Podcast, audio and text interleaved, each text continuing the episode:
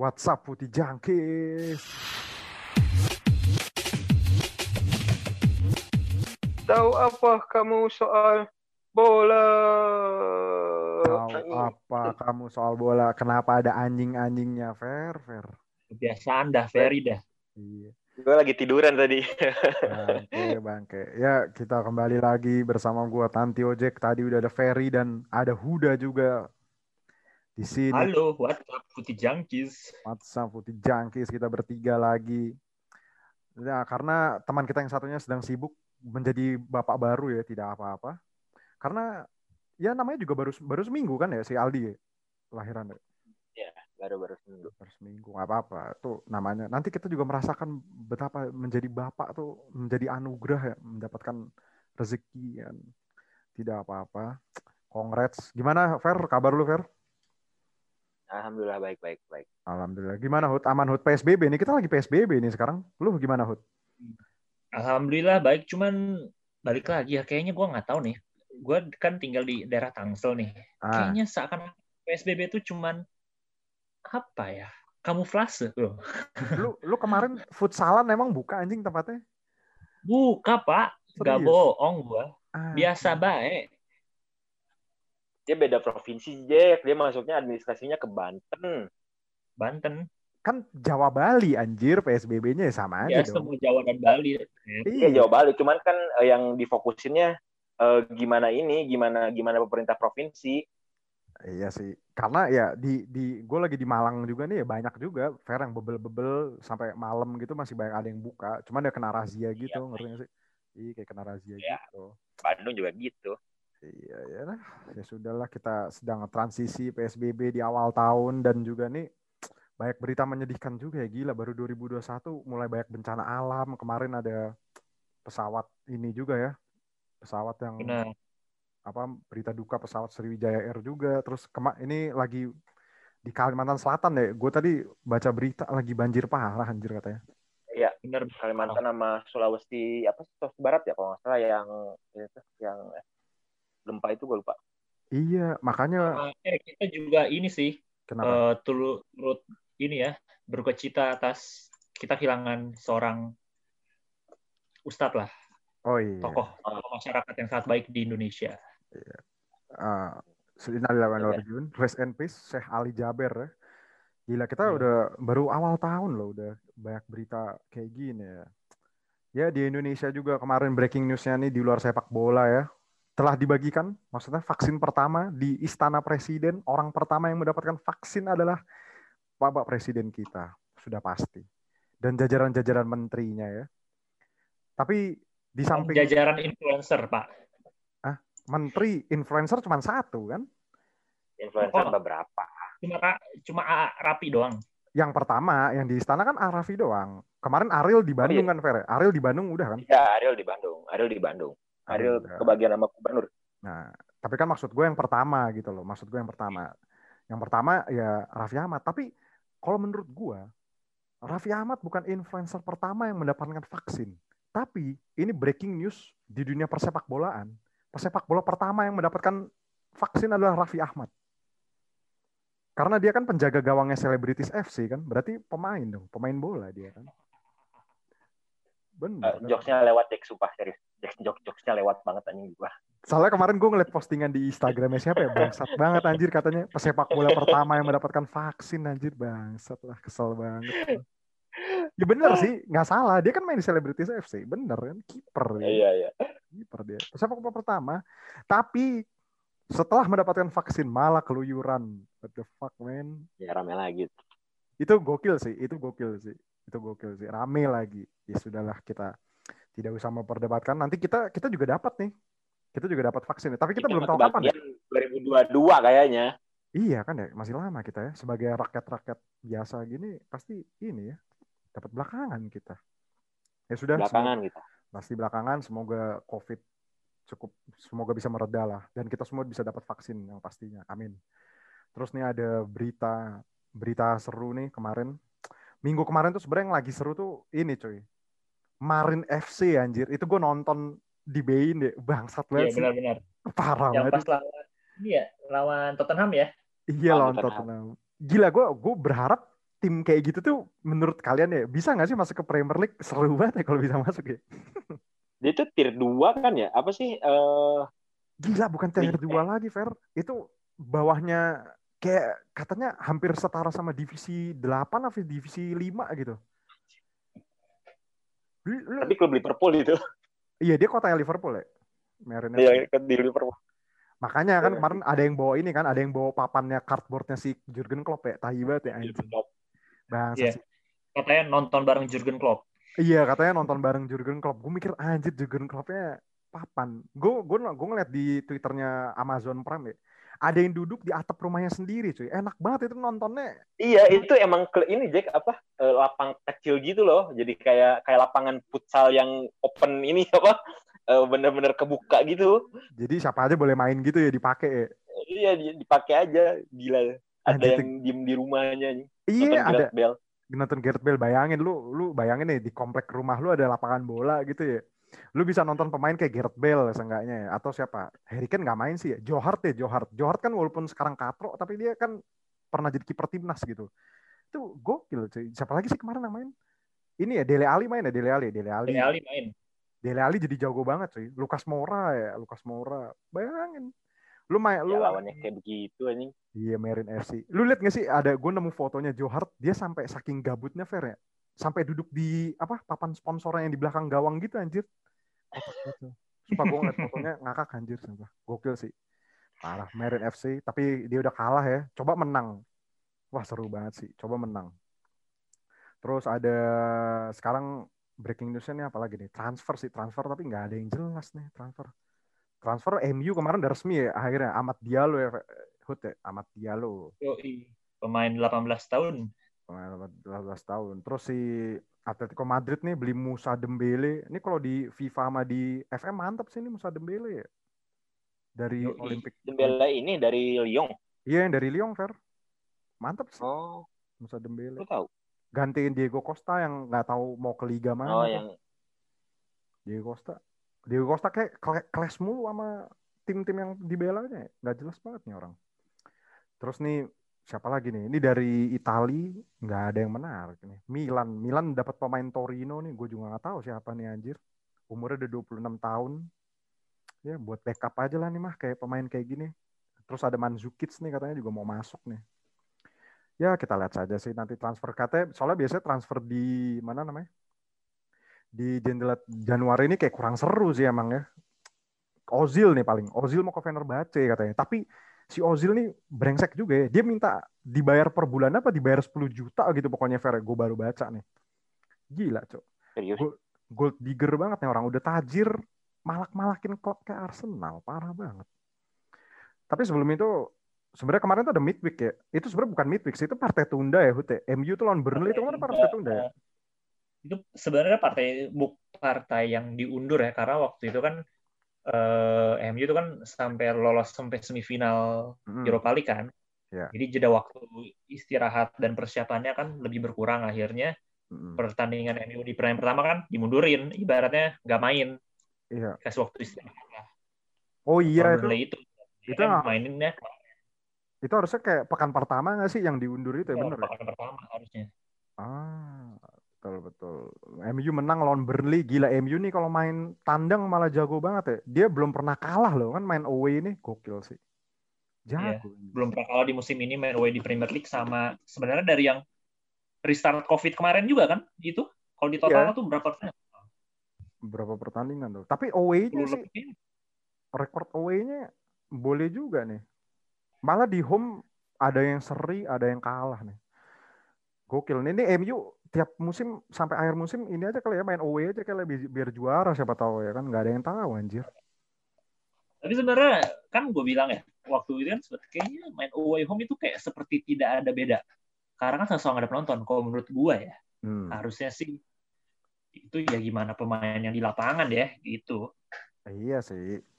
Cuman nggak tahu nih MU kadang kalau main away malah lebih on fire. Hasilnya tuh menang semua anjir kalau main away ini. Main home nih malah malah acak adut gini nih. Terus besok nih sebenarnya banyak yang seru ya. Kita tadinya tuh mau bahas juga nih ada besok tuh banyak partai seru di Liga Inggris nih. Ada Northwest Derby yang pasti Manchester United versus Liverpool. Di Italia itu sebenarnya juga ada yang seru derby di Italia, cuman di berhubung di sini nggak ada fans Inter sama Juve ya udahlah nonton aja lah kalian. Gue juga bingung mau bahas apa kan. Gue juga bukan fans Juve apa Inter masalahnya. Semoga seri aja biar tim gue tetap aman di pucuk. Sorry Dedi ya, gue sekarang jadi subjektif sekarang di. Terus nih, nah kalau ngomong-ngomong Northwest Derby ini gila nih. Northwest Derby akhirnya. Ini besok mainnya di Anfield dulu ya, Fer? Ya, di Anfield dulu. Main di Anfield ya, hari Minggu jam setengah 12 nih. Pastikan kalian nonton sih, karena gue juga pasti nonton. Bayangin, ini bedanya cuma tiga poin deh. Beda cuma tiga poin. Manchester United 17 kali main, 11 kali menang. Tiga kali Oh iya, dan ini disiarin di TV lokal loh. Hah? Serius lu? Putih Tangkis nonton di TV lokal Anda. Hah? TV lokal mana anjir? Di mana? Di Net TV, Pak. Serius? Serius? Oh, nonton. Nonton lah hobi itu. Serius lu Net TV? Coba nih, gue sambil lihat Net TV ya. Anjir, tumben-tumbenan Net TV Nah, ya. nyiarin gini. Jarang-jarang ini. Iya, jarang-jarang. Ntar ya, gue nyari ya. Masa sih? Gue baru tahu loh, Hud, sumpah, Hud. Apaan Coba googling, adanya? Oh iya bener cuy, disiarin cuy. Wah, gokil sih Net TV. Bener-bener, di, di TV nasional ada. Tapi kalau misalkan kalian yang sudah berlangganan Mola TV, kalian bisa bisa nonton di Mola TV juga yang pastinya. Iya bener. Nih, gue lagi ngeliat Twitter Net Media Tama. Gokil sih, salut gue. Mantap, mantap, mantap. Gak apa-apa. Selamat menonton untuk kalian. Nah, tapi kan nggak nggak langsung closingan ya. Gimana, Fer? Lu postingan. Liverpool nih kemarin lagi gimana ya? Lagi suka buang-buang poin nih. Kemarin seri lawan Newcastle, ya. terus kalah sama Southampton, seri sama West Brom ya. Lu Ya. masih optimis gak nih Fer? Besok lawan Manchester United dengan Bruno Fernandes yang makin on fire nih sama Marcus Rashford. Apalagi sekarang Liverpool nggak ada siapa sih? Masih nggak ada Van Dijk doang ya? Masih eh, Van Dijk, Joe Gomez, eh Udah kan? Thiago udah balik kan? dia Thiago udah, Diego Jota yang sama Diego Jota yang ini yang apa yang cedera. Hmm, sama Diego Jota. Gimana Fer? Apalagi ini main di Anfield Fer. Setelah sekian lama kan, akhirnya Liverpool tidak di puncak. Bukan setelah sekian lama sih, maksudnya Liverpool bisa dikatakan dalam Iya kondisi yang underdog. lah ya. Iya, maksudnya dari Tapi underdog. tapi emang Gimana? Emang apa ya? Kayaknya gue juga pembicaraan eh, dari forum-forum ya apa eh, fans-fans di Twitter juga kayaknya obrolannya mereka juga rada khawatir sebenarnya. Gue juga Hmm. kayak gitu. Cuman faktor en fa- eh, faktor Enfield ini eh, termasuk hal yang nggak bisa diremehin sih. Soalnya wal ya walaupun terlepas kata Huda juga eh, ada apa eh, home away nggak ada bedanya. Hmm. Tapi ketika lu bertamu ke musuh buyutan tuh ada faktor pressure-nya gitu loh walaupun nggak ada penonton. Jadi harusnya sih eh, Anfield bisa jadi apa eh, memberikan sedikit keunggulan lah. Tapi gue juga rada rada rada rada rada riskan juga sih. Harus eh, karena apa ya? MU lagi eh, lagi formnya lagi bagus. Eh, Pogba Hmm. juga akhir-akhir ini nyetel. Bruno Fernandes juga kayak gitu. Kayaknya gue Rashford juga lagi bagus. Kayaknya gue cuman bisa berharap eh, Bruno Fernandes sama Rashford rada-rada ke form apa rada-rada bisa ditahan atau enggak eh, dia bermain buruk gitu karena gue yakin eh, penyerangnya MU yang lain tuh rada-rada nggak rada-rada bisa diandelin juga gitu. Tapi Edison Cavani, men. Edison Cavani, oh dia dia emang udah beres ya ininya apa Belum ya? eh, hukumannya? Masih hukuman ya? Udah, Masih... kemarin kan main lawan Burnley. Oh, udah ya? Main full Oh, 90 oke. lagi. Nah, masih ada Edison Cavani. Ada Daniel James, jagoannya Huda juga. Gimana Daniel James? Daniel Ini ngomong siapa? Nah, Siapa nih lu? Jack. Enggak, kan jagoan lu Daniel James. Oh. Jadi gimana, Lu ada. Masih, ya tapi Liverpool, tapi gimana ya? Fabinho berarti center back lagi ya? Kemungkinan sih Fabi Fabinho kemungkinan itu Fabinho kalau nggak Nathaniel Phillips, Rhys Williams, ya pokoknya bocah lah yang Joel- main. Joel Matip masih cedera cedera lagi kah? Joel, Joel Matip masih cedera. Iya, Joel Matip masih. Oh iya, gue lupa orang itu tuh. Joel Matip nih. Gue tuh sebenarnya cuma cuman berharap Joel Matip fit aja sih. Lu cuman kayaknya rada-rada nggak mungkin. Atau mungkin Joel Matip ngikutin caranya Steven Gerrard aja ya di painkiller gitu. Dia kan dulu pernah tuh Steven Gerrard di painkiller gitu kan pas lawan MU buat maksa main anjir. Tapi besoknya Ya, itu langsung cedera cedera panjang gitu. Iya sih tidak panjang. Tapi ya menarik sih karena kalau kita lihat nih ya, jarang-jarang nih ada setelah ber- beberapa tahun ya ini Northwest Derby ada setidaknya mengem- apa ya punya bumbu-bumbu bergengsi cuy. Karena ini peringkat satu sama dua kan biasanya tuh antara either MU-nya yang di bawah atau Liverpool yang di bawah pasti silih berganti gitu loh. Makanya kalau kita lihat dari klasmen liga-liga Eropa gitu ya, kayak misalnya liga-liga Eropa kayak Liga Italia itu kalau kita lihat rata-rata peringkat 1 sampai 7 itu bisa kayak zaman tahun 90-an anjir kayak Il Sette Magnifico gitu. Bedanya nggak ada Fiorentina aja diganti sama Napoli kan gitu. Nah, kalau di Liga Inggris sekarang juga kayak gitu. Gitu. Tapi lu setuju nggak sih sebenarnya MU sama Liverpool itu sebenarnya nggak terlalu bers- bersenggolan gitu nggak sih di era du- 90 sama 2000 malah MU kan senggolannya sama Arsenal ya nggak sih? Gimana kalau menurut lu Hud atau Ferry?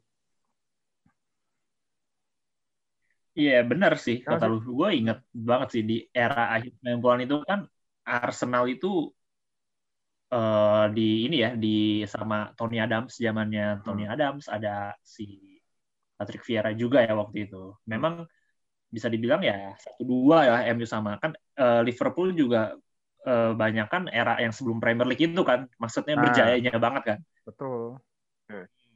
Terus dulu paling malas sebenarnya sama Leeds dulu kan lumayan lah agak papan atas kan dulu Leeds gitu. Ya gue sangat apa ya sangat menikmati sih musim ini dengan dengan Liverpool per apa maksudnya Liverpool MU itu yang balik lagi ke tradisi yang bubuyutan satu dua tapi menurut gua tetap nggak boleh lepas dari pandangan tuh Manchester City juga pak dia gitu-gitu masih punya nyimpen laga satu kalau laga itu menang dia tuh sebenarnya yang di posisi kedua di atas Liverpool Siapa? Manchester City. coba lu Oh iya cek. bener, Manchester? City. Eh, iya, Manchester City ada tabungan satu main. Kalau Hmm. menang ya sekarang harusnya posisi dua Manchester City benar-benar. Iya, jadi menurut gua peta persaingannya cukup oke lah. Mm-hmm. Tapi gimana Hud? Lu apalagi sekarang MU nih bisa dikatakan kayak jadi eh, namanya kayak ya di atas angin gitu loh karena peringkat satu gitu loh. Kayak gue ngerasain ini kayak kemarin pas lawan Juve gitu loh. Juve-nya jadi underdog kayak terus ya Milannya yang jadi di atas gitu. Nah kalau lu lu optimis gak Hud? Apalagi dengan performa Bruno Fernandes yang makin gacor aja anjir Bruno Fernandes. Gue akhirnya membeli, gue Ya. akhirnya di FPL membeli Bruno Fernandes soalnya. Akhirnya Akhirnya pada ketagihan ya beli Fernandes ya. Iya, biasanya gue kok biasanya gue kalau FPL pasti Kevin De Bruyne. Kevin De Bruyne kadang cuman gitu-gitu doang, males gue jadi kan. Akhirnya gue jual aja. Gimana, Hud? Ya gua cukup optimis sih dengan ibaratnya sekarang Liverpool yang sedang eh, inkonsisten lah nyebutnya. Mm-mm. Bukan berarti lagi jelek ya. Menurut gua faktor Liverpool begini juga bener sih banyak cedera pemain lah.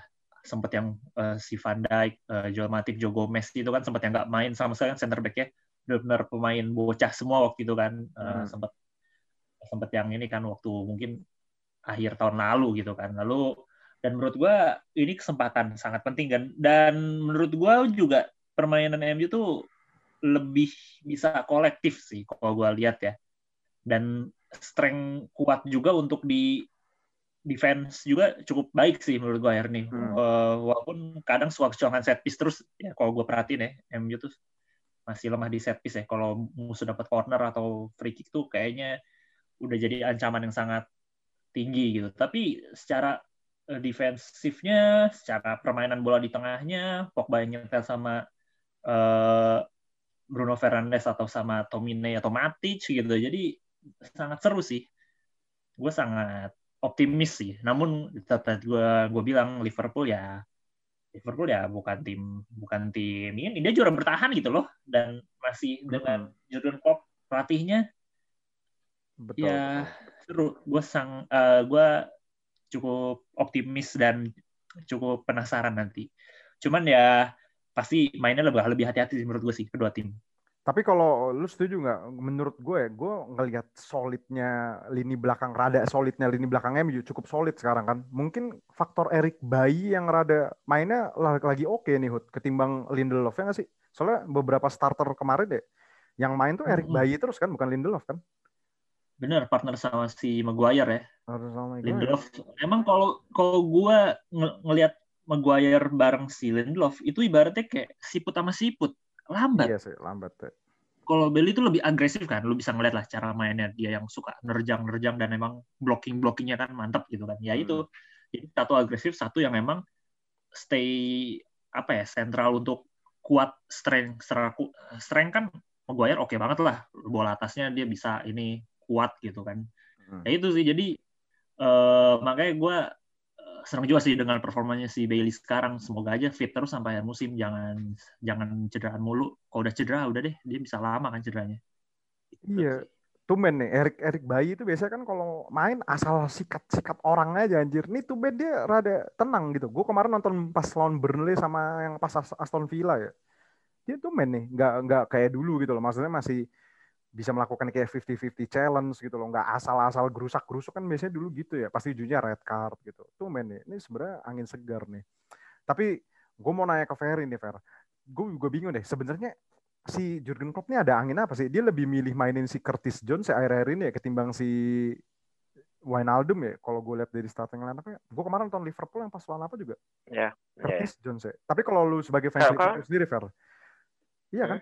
Lu lebih milih Curtis Iya. Jones apa si Wijnaldum yang main buat lawan Liverpool besok? tergantung situasi sih Jack. Soalnya gimana ya, Curtis si Curtis Jones sama si Gini ini eh tipe pemain yang benar-benar beda gitu. Karena karena apa ya? Kalau kita hitungannya kita kan mau kalau mau kategorisasiin pemain tengah kan rata-rata ada yang apa eh, segala bisa misalkan kayak Pogba Hmm. atau kayak siapa kayak Gerrard kayak gitu kan. Terus ada yang eh defensive midfielder gitu, model-model kayak gitu kayak Kante dan kayak gitu.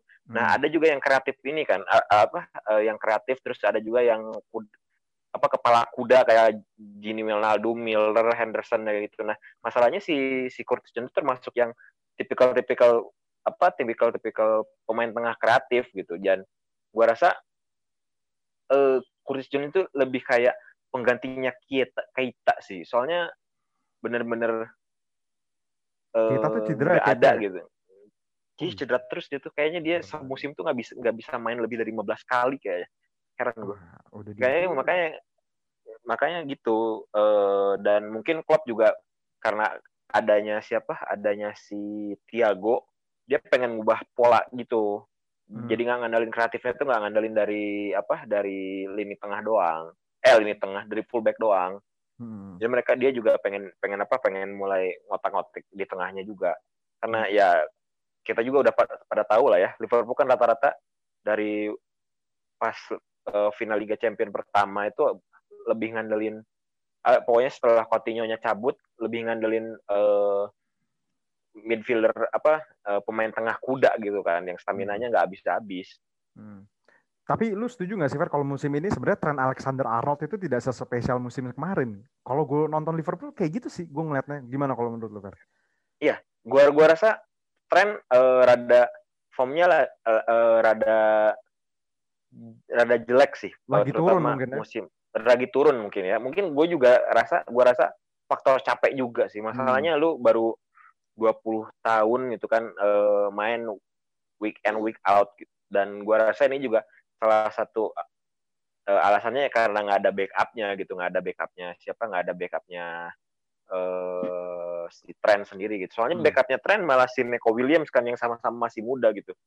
Jadi Hmm. rada-rada menurut gua eh, wajar sih, soalnya dia sering dipakai terus kan. Menurut gua dia perlu istirahat sih. Perlu sih karena emang Liverpool nih butuh pelapis sih. Masa lu kalau back kiri lu nggak ada juga James Milner mulu anjir suruh main kasihan ya orang.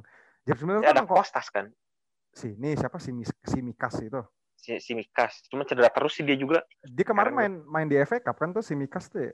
Iya main-main. main di FA Cup. Cuman nih gi- gimana Hud lu per, si Trent Alexander Arnold bakal dikantongin lagi nggak sama Shaw nih Hud?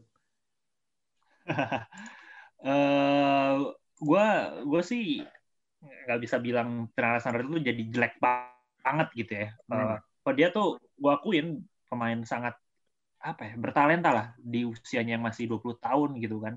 Lalu dia juga bisa dibilang cukup berbahaya lah dari overlapping dan crossingnya itu kan dia kan musim lalu salah satu asis yang cukup banyak lah di kalangan back ya hmm. di posisi uh, defender gitu memang uh, ini bocah nggak bisa dianggap remeh gitu cuman ya balik lagi sih gue cukup cukup optimis sih dengan MU tuh di kiri kan biasanya sering main itu Luke di back kirinya atau enggak kalau di gelandang atau enggak di uh, ininya apa di midfield atau di posisi depannya tuh antara Rashford atau enggak si Martial kan yang di kiri. Jadi menurut gua uh, akan ada pertarungan yang cukup sengit lah untuk uh, tren dengan pemain MU gitu. Kalau waktu zaman musim lalu kan kalau yang kita lihat ah yang waktu pas mau juara yang juara Liga Champions itu ya? Itu kan hmm. keren banget tuh si ini ini eh, bukan Messi ya? Siapa sih? Suarez ya waktu lawan Barcelona yang bal, uh, yang comeback itu? Tuh mainnya mana? tuh. Robertson sama si mana? Robertson Messi. Robertson Messi Robertson yang Messi ya, yang itu ya? Robertson. yang di yang di sondruknya itu Robertson. Ah, yang di yang, iya. ditem, yang ditempeleng Messi. Yang ditempeleng itu Robertson itu, itu Robertson. Itu. Oh iya, gua gua lupa kebalik. Ya menurut gua mereka ber, Robertson juga salah satu kunci ya di Liverpool. Menurut gua hmm. jangan cuma TAA yang harus diperhatiin. Menurut gua ya si Robertson itu sih. Robertson yang mungkin akan lebih banyak ketemu sama si Wan Bisaka lah berarti kan. Wan Bisaka. Wan ya. Bisaka. Gue sebenarnya gue sebenarnya dibandingin uh, eh, gue sih berharap MU masang masang Rashford di kanan sih atau nggak ke tengah. Tapi gue hmm. nggak sangat nggak berharap uh, apa tren itu ketemu Rashford. Lah kenapa? Gue tuh soalnya dia lagi jelek kan mainnya, sedangkan si siapa si Fabinho atau si Robertson tuh lagi lagi lagi on form gitu. Rashford Rashford malah lagi bagus banget nih. Justru di di MU ini yang lagi turun nih si ini Hut ya. Siapa namanya? Mar Martial anjir, Anthony Martial. Nah, What happened with Martial ini, Hud? Iya. Lagi menurut gua ya kan sama kayak si Liverpool tadi disebutin hmm. si lo berdua ya, ya tren juga lagi jelek ya. Martial hmm. pun juga sama dia lagi tidak menemukan apa ya namanya juga manusia ya mungkin ada perform lagi terbaik atau uh -uh. enggak gitu kan Martial kan kalau dilihat akhir akhir musim lalu restart covid buset tuh orang golin mulu kan Iya. Musim ini aja benar melempem ya. Naik turun lah menurut gue ya, ada masanya dia juga ini. Tapi kalau misalkan nggak ada Martial juga bingung siapa yang mau dipasang Greenwood menurut gue juga lagi turun. Nah, lagi, tapi Greenwood boleh lagi B aja lah nyebutnya. Apalagi si James. Oh, James mah coba bisa modal lari doang. James kayaknya di, di pindah ke Leeds United aja deh. Dia kan awalnya mau ke Leeds United ya, cuman ujungnya ke MU nah. kan si Daniel James nih. Sama ini sih sebenarnya apa? Tapi gue, lu setuju gak sih kalau di gue ngelihat ya MU itu justru pasti kayak cenderung mungkin lebih bermain counter gak sih nanti pas lawan Liverpool besok nih karena ya udah pasti karena possession ball pasti kayak bakal dipegang sama Liverpool sih yang pasti. Tapi justru kekuatan MU itu ada di counter attack gak sih, Hud? Bener gak sih? Bener, gue itu setuju kalau lu lihat kalau nonton ya, mm-hmm. counter attack-nya tuh quick, cepet, cepet cepatnya cepet banget gitu. Ya itu ngandelin kayak macam Rashford, Martial yang punya kecepatan determinasi tinggi ditambah umpan jauhnya dari Pogba atau si Bruno. Hmm. Itu benar-benar dan kalau lu perhatiin juga Luke Shaw itu kalau udah overlap juga bagus bagus menurut gue ketimbang Teles. Hmm. Kalau Teles oke okay lah dia umpannya bagus, crossingnya bagus.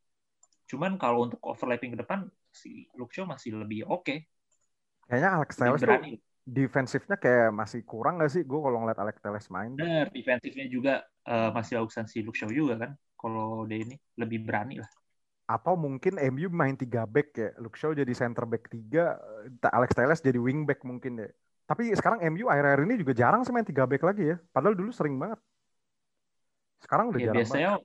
Nah, ya itu terakhir terakhir pakai wing back itu ketika lawan ini RB Leipzig dan itu kalah. Nah iya, makanya kayak udah nggak dipakai lagi gitu loh. Udah dari dari lima pertandingan terakhir tuh ya strateginya selalu main 4 back gitu loh, nggak pernah pakai tiga back lagi. Padahal tapi dia kalau lagi lawan tim besar tuh selalu pakai tiga back ya dan berhasil gitu loh biasanya. Kan sering tuh nahan. Nah. Waktu tuh Liverpool ditahan kan seri Liverpool tuh yang musim berapa. Cuman Terus ya itu awal musim ini lawan PSG di Paris. Hmm, lawan PSG kan. Bener. Menang malahan bisa menang makanya lawan PSG. Tapi ini bakal seru sih karena Liverpool nih gue nggak bisa anggap remeh sih walaupun emang performa kadang suka sedekah poin istilahnya. Tapi gue mungkin slightly banyak yang mengunggulkan Liverpool menunggulkan Liverpool tipis ya. Cuman nggak tahu juga nih sekarang banyak banget nih yang menjagokan MU karena dia lagi posisi satu gitu loh. Tapi lu setuju nggak Fer? Kalau pendapat pribadi gue besok ya Liverpool tuh harusnya tuh masang Thiago di tengah ya Thiago. DM-nya tuh Wyatt Henderson sama si siapa namanya? Sama Wijnaldum. Wijnaldum lebih ke box to box ya nggak sih? Kalau gue sih mending kayak gitu sih besok ya. Liverpool. Gue uh, kalau hitungannya pilih pilihannya sih bagus kayak gue nggak agak nggak setuju sih. Uh, hmm. Gue malah hitungannya kalau bisa kalau kita kita ini kita apa kita fit, gue lebih berharapnya uh, double pivot gitu. Uh, siapa? Uh, Tiago Tiago Tiago Henderson hmm. uh, yang tengah yang agak majunya Keita gitu. Hmm. Soalnya uh, kalau em gue feeling gue MU bakal eh, MU bakal bener-bener low block eh low block dan ngandelin ngandelin counter gitu dan gue rasa uh, memasukkan midfielder yang benar-benar kreatif uh, jadi jadi sebagai opsi menurut gue itu pilihan terbaik sih soalnya hmm. lu nggak nggak mungkin uh, ngandelin a crossing atau passing-passing dari dari sayap uh, Henderson apa Robertson sama Trent untuk uh, ngebuka uh, pertahanan yang mungkin rada-rada parkir bus dan mengandalkan counter gitu. Gua rasa kalau Keita itu kalau Keita apa kalau Keita fit, gua rasa Keita sama Tiago sih. Harusnya sih ya. Cuman kadang Keita tuh kayak gimana ya kayak kayak belum dapat ritmenya aja gak sih sama starting eleven Liverpool tuh kadang kalau gue nonton main deh tapi ya kadang kalau lagi perform ya perform gitu masih nggak terlalu tune in banget sih kalau gue Keita ngeliatnya bu dia tuh masalahnya bolak-balik cedera gitu loh Jack. Jadi hmm. dia tuh udah satu dua tiga tiga kali main cedera satu tiga minggu dua minggu gitu kan baru hmm. uh, dua satu satu kali main gitu kan kelihatan jelek terus on form dua main terus baru cedera lagi kayak gitu hmm. terus ya tuh. Hmm, I see, I see. Tapi sebenarnya emang gue setuju sih pasti MU ini bakal main lebih lebih slightly bertahan lah tapi tapi pasti nggak bertahan yang parkir bus maksudnya main low block aja tapi kalau gue perhatiin ya justru MU kalau ngincer counter pun tapi gue ngeliat lini belakangnya Liverpool ini belum ada sekelas kayak Van Dijk atau kayak siapa namanya si Joe Gomez yang typical ball playing defender ya Liverpool jarang jarang banget loh main high defensive line gitu ya Fer ya, lini belakangnya ya. kalau nggak ada Van Dijk. I, uh, kayaknya kalau mat kalau Matip sama si Fabinho main kayaknya main main high deh. Main Tahu gue. Soalnya kadang-kadang soalnya kadang-kadang kalau yang main rada-rada aman itu emang kalau lagi main, mainin si Rhys Williams atau enggak si Nathaniel Phillips kan soalnya emang dua-duanya uh, pemain eh, nggak uh, berpengalaman gitu kan jadi mereka hmm. rada-rada main aman juga sebenarnya Liverpool semenjak Van Dijk semenjak Van Dijk cedera tuh rada-rada mainnya rada-rada konservatif gitu lebih lebih ngandelin bola terus apa nggak nggak main passing-passing cepat kayak kalau ada Van Dijk atau ada Joe Gomez gitu kan. Hmm. Soalnya walaupun dua-duanya apa uh, backnya bisa main uh, apa passing-passing jauh, tetap aja menurut uh, kayaknya si Klopp nggak mau ngambil resiko uh, pemain mudanya pemain mudanya tuh kayak expose bener-bener kayak expose gitu loh. Iya iya benar benar benar. Makanya ini kayak kadang kalau lu ada perjudian sih, maksudnya mah lu main high defensive line, kalau lawan tim yang punya counter attack kayak MU gini emang rada ngeri sih, jujur aja. Terus kan Klopp nih kadang suka ngomel-ngomel ya, kalau orang main bertahan dikit pasti dikomentarin nih. Kemarin dia ngomentarin masalah MU yang penalti apa apa tuh kan si Jurgen Klopp. Iya, MU penalti sama masalah sama permasalahan di permainan Sam Alves kalau nggak salah gue lupa. Iya, yang lawan WBA yang seri. Emang Klopp nih dia kayak anti dia kayak emang ini banget ya gegen apa sepak bola menyerang banget ya gila. Dia benci banget kayak orang yang tim yang main defensif. Cuman ya we'll see aja sih. Gue gue gue yakin juga MU bukan yang kayak defensif banget. Dia punya inisiasi serangan anjir. Apalagi Bruno Fernandes sih. Cuman gimana Hut lu menurut tuh apakah kalau Bruno Fernandes besok bisa dimati nama Liverpool ya udah finish MU gimana Hmm. Soalnya kemarin gue liat gue liat wawancara si Jason McAteer di Sky Sport kemarin yang after versus Burnley itu dia ngomong sebenarnya yang mengubah tim ini menjadi lebih hidup itu ya sebenarnya emang Bruno Fernandes gitu. Ole dia ngomong ya Ole ini doing nothing istilahnya gitu. Karena emang Bruno Fernandes ini apa ya mengasih ibaratnya ngasih bener-bener energi positif banget buat permainan MU sekarang gitu. Gimana, Hud? Ya, emang uh, untuk saat ini ya, MU memang tergantung kepada Bruno Fernandes gitu. Dan Bruno Fernandes baru dinobatkan sebagai pemain terbaik lagi bulan ini. Ya? Desember ya. Hmm, bulan ini. Eh, Desember apa bulan ini sih? Desember iya, gitu. Januari Desember, ini. Desember. Desember ya. Januari belum, Pak. Oh, Januari belum. Oh, itu yang yang baru masuk itu Desember. Diumuminnya sekarang ya? Ya kan Januari, Pak, sekarang. Oh, iya. Kalau Januari udah beres, pasti baru yang Februari dia umumin ya bulan Februari. Hmm, terus terus. Ya, dan emang cukup cukup cukup bergantung sih sama Bruno Fernandes. Tapi uh, gue yakin sih punya banyak opsi lah si Ole itu di squadnya. Cuman itu hmm. dia balik lagi apakah yang dipercaya nanti di squadnya ketika Bruno Fernandes itu bisa bermain lebih baik? Itu pertanyaannya sih. Karena menurut gue gue belum melihat sih emang musim ini di mana ketika Bruno Fernandes itu nggak main MU tuh mainnya juga bagus. Paling ya waktu itu lawan tim yang main di Piala Ciki aja paling lawan Brighton tuh lumayan bagus. Emang Bruno nggak main cuman ya lawannya juga Brighton gitu kan. Hmm. uh, waktu itu ketika itu lawan West Ham babak pertama nggak mainin Bruno. Ah acak adut. Iya, itu yang waktu iya. lawan West Ham. Ya? Iya, mengubah langsung kan. Mm-hmm. Ya menang jadi menang tiga satu kan. Si Bruno kan masih uh, satu gol kan kalau nggak salah. Kayak gitu. Jadi menurut gua emang sangat tergantung sih sama Bruno gitu dan ya semoga aja Bruno sehat walafiat dan tidak tidak apa ya tidak sampai cedera tidak tidak tidak dijaga ketat ya. Mungkin tapi, ya nggak nggak dijaga ketat ya. Pasti kan itu taktik ya. Kita lihat nah, aja nanti. Tapi justru ya, kalau menurut gua perjudiannya si Ole bisa dikatakan pelatih yang bisa ngangkat MU ke level yang lebih tinggi itu di saat uh, MU ini bisa kehilangan sama kehilangan Rashford sama Bruno sih. Nah itu itu justru mungkin bisa kayak jadi ajang uji cobanya si Ole apakah dia emang nih yang manajer yang layak untuk membawa MU lebih ke level yang dua level ke atas atau gimana gitu. Kalau menurut gue sih gitu sih. Tapi sebenarnya ada satu lagi nih fair sama Hood nih. Gue menanti komentar-komentar dari Roy Keane pas MU lawan Liverpool besok pasti menarik.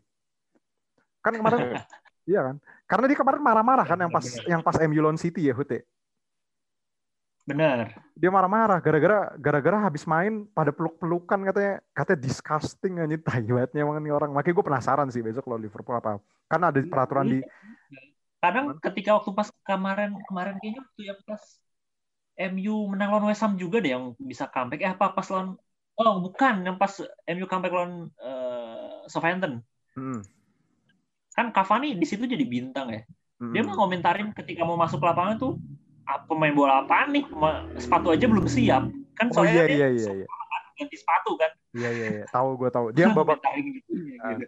katanya gini katanya kalau walaupun lu jadi pemain cadangan tuh lu udah harus ready gitu loh udah ready gear gitu gak sih? Jadi lu tinggal ya. masuk ntar katanya gitu. Tahi banget sih emang Roy Keane nih.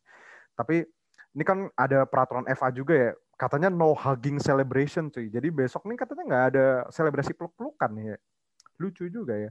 Sampai ya, boleh sampai si Pep Guardiola ini juga bingung gitu loh kayak ya gimana ya itu kan naluri maksudnya naluri kita berselebrasi nggak sih? Apalagi kalau lu menjadi penentu kemenangan. Memang sepak bola ini apa ya maksudnya di saat seperti ini rada aneh. Ini kan besok pertandingan antara siapa nih? Antara si ini juga ditunda kan akhirnya Everton ya Everton ini ditunda kan? Sama? Everton sama apa? Everton sama wait wait saya kan Everton tuh dipospon lawan siapa nih? Aston Villa. Ah, Aston Villa lah. Gini emang Aston oh, Villa. Oh, Aston Villa. Iya, Aston Villa. Nah. Iya, iya, Aston Villa. Dipospon. Benar. Dipospon. Kuatnya parah ya, Aston Villa ya. Baik yang kena Covid. Masa mau mainin bocah lagi kan nggak bisa kan kalau di Liga kan? Nggak, nggak bisa kalau. Kalau di Liga, uh, dari 20, dari orang-orang yang daftarin minimal 14 bisa. Kayaknya itu udah semua. Iya sih, gila. Dia sampai ini ya, sampai staff-staffnya kan. Padahal pelatihnya baru menang manajer terbaik bulan itu juga tuh. Si pelatihnya siapa namanya? Dean Smith ya. Dean kira, Smith. Gue kira Dean Smith tuh pelatihnya siapa? Anjir, tapi pelatih Aston Villa. Fuck lah. Jadi gimana, Fer? Lu optimis? Kira-kira kalau gue sih, ya gue antara, gue bisa aja. Gue mungkin partai-partai gini tuh kadang anti klimaks ya. Ntar ujungnya seri sih. Tapi kalau lu, lu, lu positif, apa maksudnya lu positif men, MU menang nih?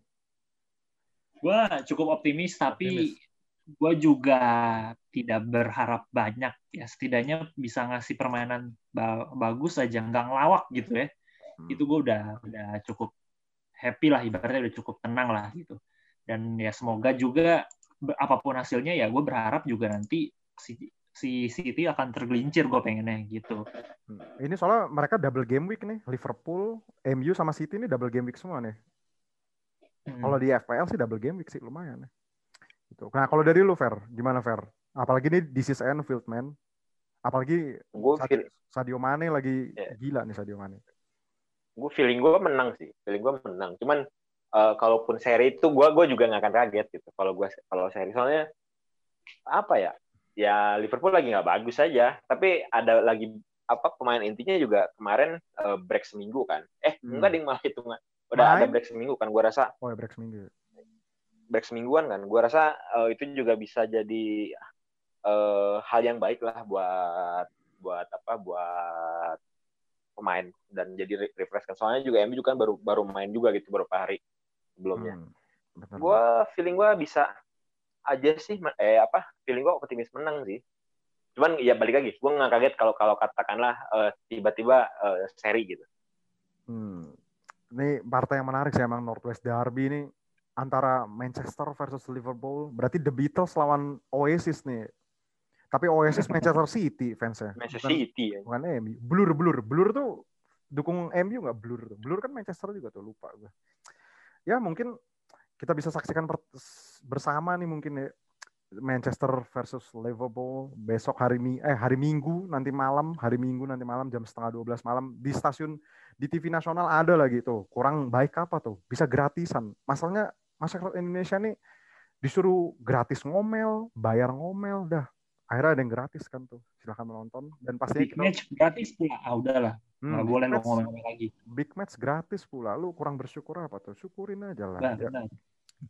Ya segitu aja nih dari kalian berdua. Nanti kita tunggu minggu depan reaksi seperti apa. Apakah Huda tetap kedinginan memakai jaket seperti saat ini? Atau Ferry yang meminjam puncak buat bakar jagung di atas sana?